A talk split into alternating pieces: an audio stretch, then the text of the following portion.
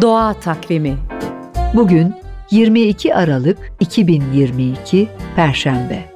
NTV Radyo iyi günler diler. Gökyüzünde bu gece ve yarın gece şölen var. Yılın son meteor yağmuru, ursitleri izlemek için mümkünse ışıksız bir yerde uzanıp gökyüzüne bakın. Küçük ayı yakınlarında saatte 10 yıldız kayması bekleniyor. Doğa takvimine göre bugün Zemheri ayı başlıyor.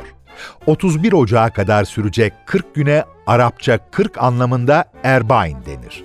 Bu dönemde mevsim normaline göre kar yağışı beklenir, esen sert rüzgarlarda zemheri fırtınası olarak anılır.